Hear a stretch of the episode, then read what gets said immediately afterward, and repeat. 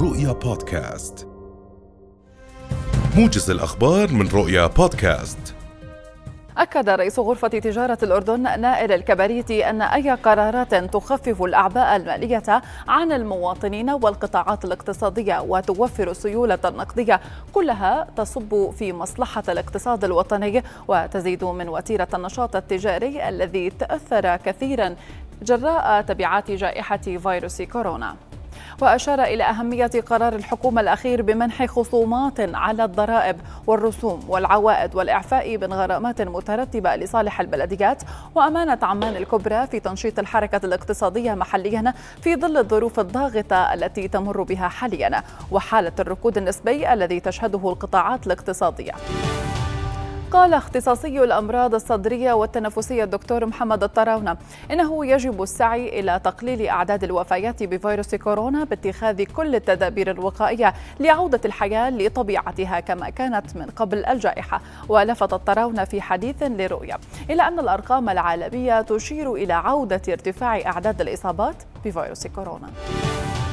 قالت قناة روسيا اليوم نقلا عن وزارة الدفاع الروسية إنه تم توجيه ضربة عالية الدقة. استهدفت مستودعا عسكريا تابعا للقوات الأوكرانية في منطقة رفني شمالية غربية أوكرانيا. وذكرت الوزارة في بيان أنه منذ بدء العملية الروسية في أوكرانيا تم تدمير 181 طائرة ومروحية أوكرانية و170 نظاما صاروخيا مضادا للطائرات وأكثر من 1300 دبابة ومركبة عسكرية. زعمت أوكرانيا اليوم أن روسيا دمرت مسرحا كان يحتمي به أكثر من ألف شخص في مدينة ماريوبول الساحلية المحاصرة جنوبية البلاد. دون أن ترشح أي معلومات عن حصيلة الضحايا حتى الآن. ونشر مسؤولون صورة لمبنى مسرح الدراما الذي تدمر قسم في منتصفه بالكامل بينما تصاعدت أعمدة الدخان من الركام. وأفاد مسؤولون بأن قنبلة ألقيت على المبنى من طائرة من جانبها.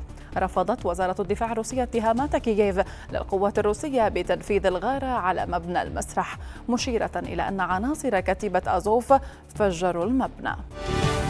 طلبت ست دول من بينها المملكة المتحدة والولايات المتحدة عقد اجتماع طارئ لمجلس الأمن الدولي بشأن أوكرانيا عصر اليوم على خلفية تدهور الأوضاع الإنسانية في البلاد وفق ما أفادت مصادر دبلوماسية.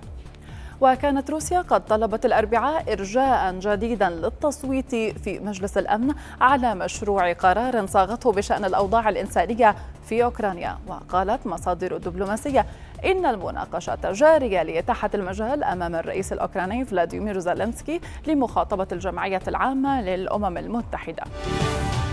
أدى زلزال بقوة 7.4 درجات ضرب شرقي اليابان إلى مقتل أربعة أشخاص وجرح أكثر من 100 ما دفع بالسلطات إلى إصدار تحذير من موجات تسونامي في أجزاء من الساحل قرب موقع كارثة فوكوشيما النووية.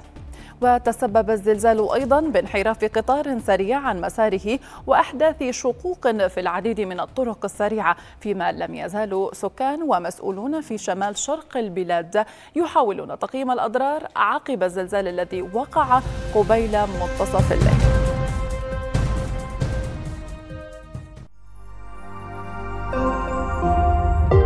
رؤيا بودكاست.